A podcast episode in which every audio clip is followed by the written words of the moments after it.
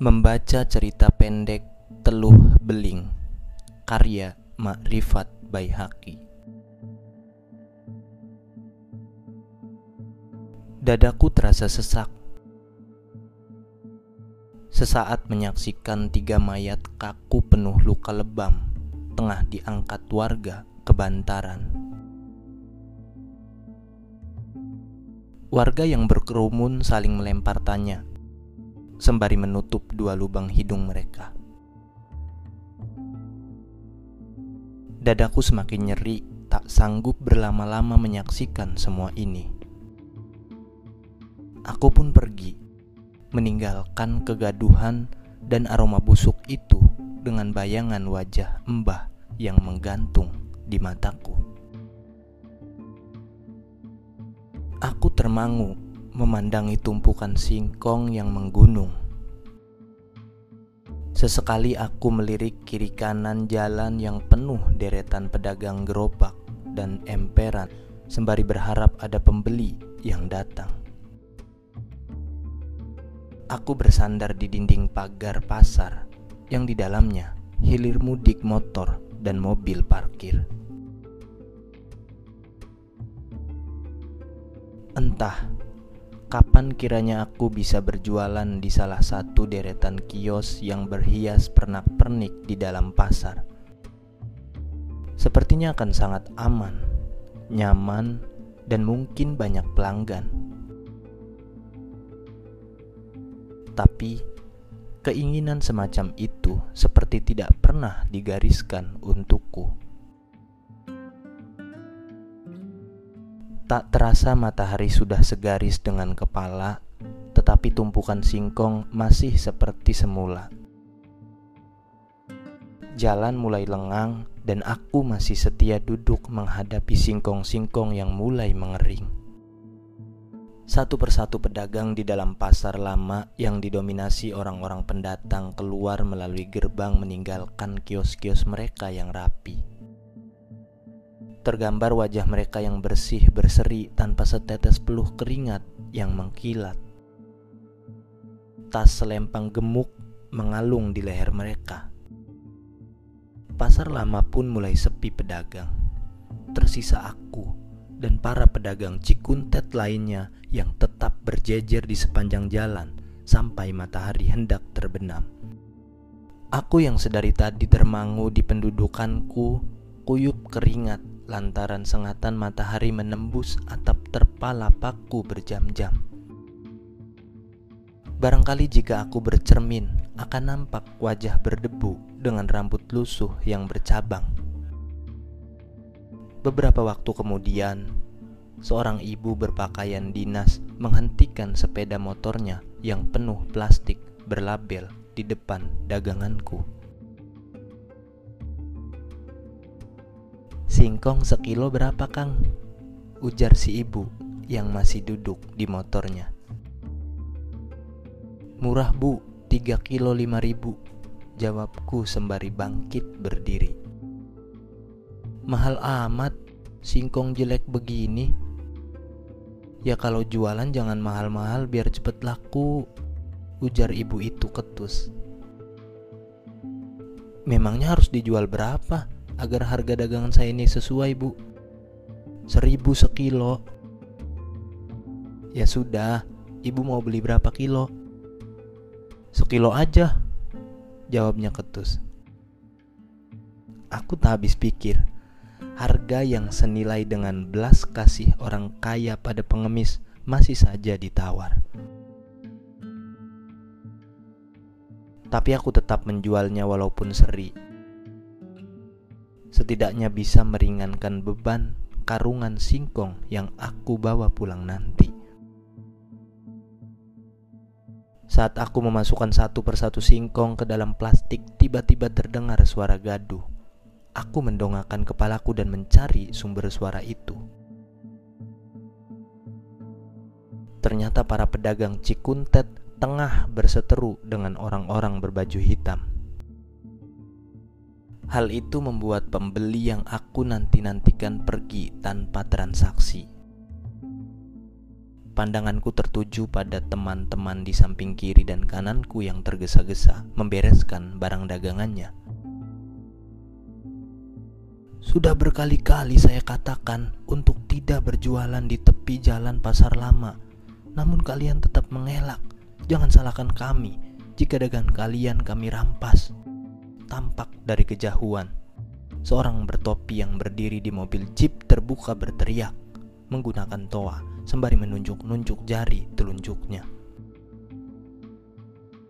Kegaduhan semakin menjadi, adu jotos tak terelakkan. Barang-barang berserakan di jalan, kayu-kayu penyangga atap terpal bergelimpangan. Gerombolan berbaju hitam itu semakin dekat, tetapi aku masih termangu menyaksikan saudara, paman, serta teman-temanku beradu jotos mempertahankan barang dagangannya. Dalam kekacauan ini entah siapa yang salah dan yang disalahkan.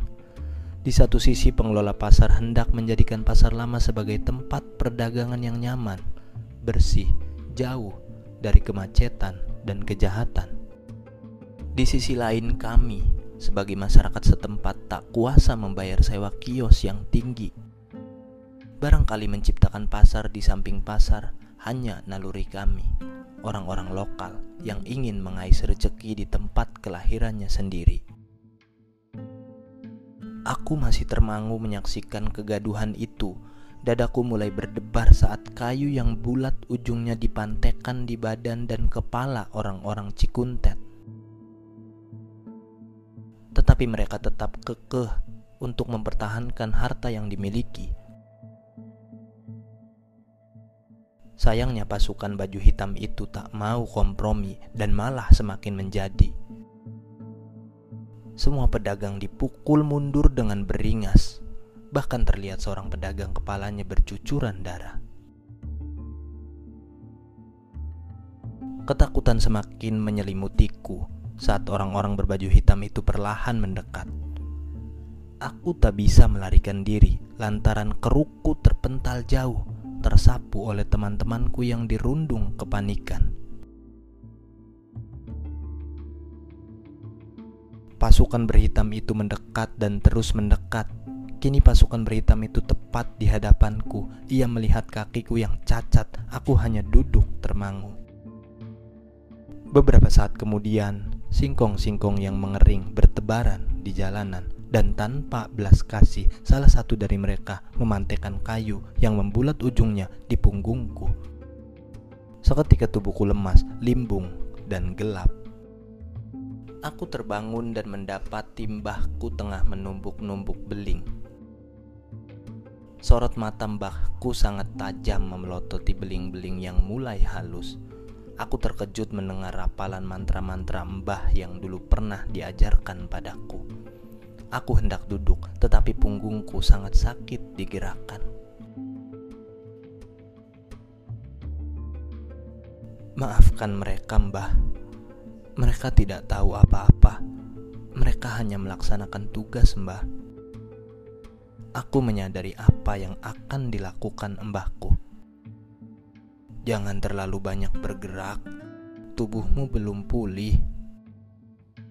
Mbah, aku mohon Jangan lakukan itu, Mbah.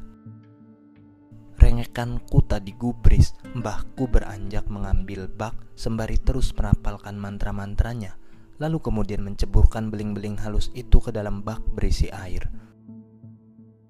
Bibir mbah tak henti-hentinya komat kamit. Mbah menceburkan kembang tujuh rupa ke dalam bak. Beberapa saat kemudian, suasana menjadi sunyi tak terdengar desau angin dan jangkrik yang sebelumnya nyaring mengerik. Cahaya damar mulai meredup. Aku melihat air di dalam bak itu perlahan berubah warna merah darah. Aku mengelus dadaku yang sesak. Mbah memuntahkan darah dari mulutnya, tapi ia terus menapal mantra yang hampir sempurna. Tubuh Mbah terlihat mulai lunglai dan beberapa saat kemudian tubuh Mbah roboh. Hari ini adalah tepat sebulan setelah Mbah mengirim teluh pada pasukan berhitam yang sudah memuncratkan darah orang Cikuntet. Barangkali Mbah terlampau geram pada pasukan berhitam itu. Hari ini aku paham apa yang tengah dilakukan Mbah. Aku jadi teringat wejangannya dulu. Jika teluh hanya ampuh untuk orang-orang bengis, beringas, dan nuraninya membatu.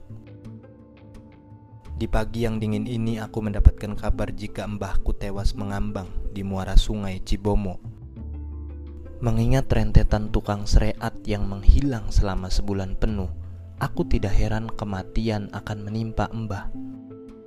Sebab bagaimanapun pecahan beling halus itu tak akan pernah lepas dari leher pentolan gerombolan berbaju hitam sebelum si pengirimnya tewas.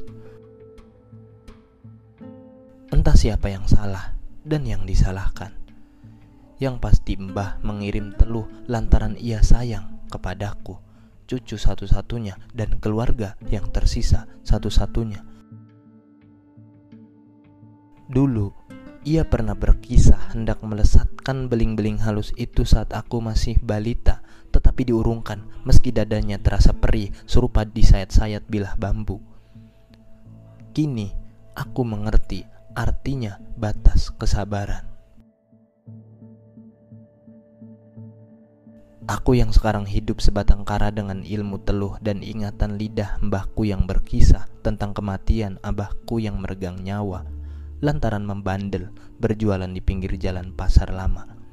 Barangkali akan menyudahi menjajakan singkong di tepi jalan dan kembali mengamalkan mantra-mantra yang embah ajarkan dulu. Embah, baik-baik di sana.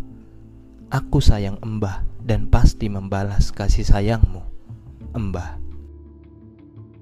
Serang, 13 Juni 2020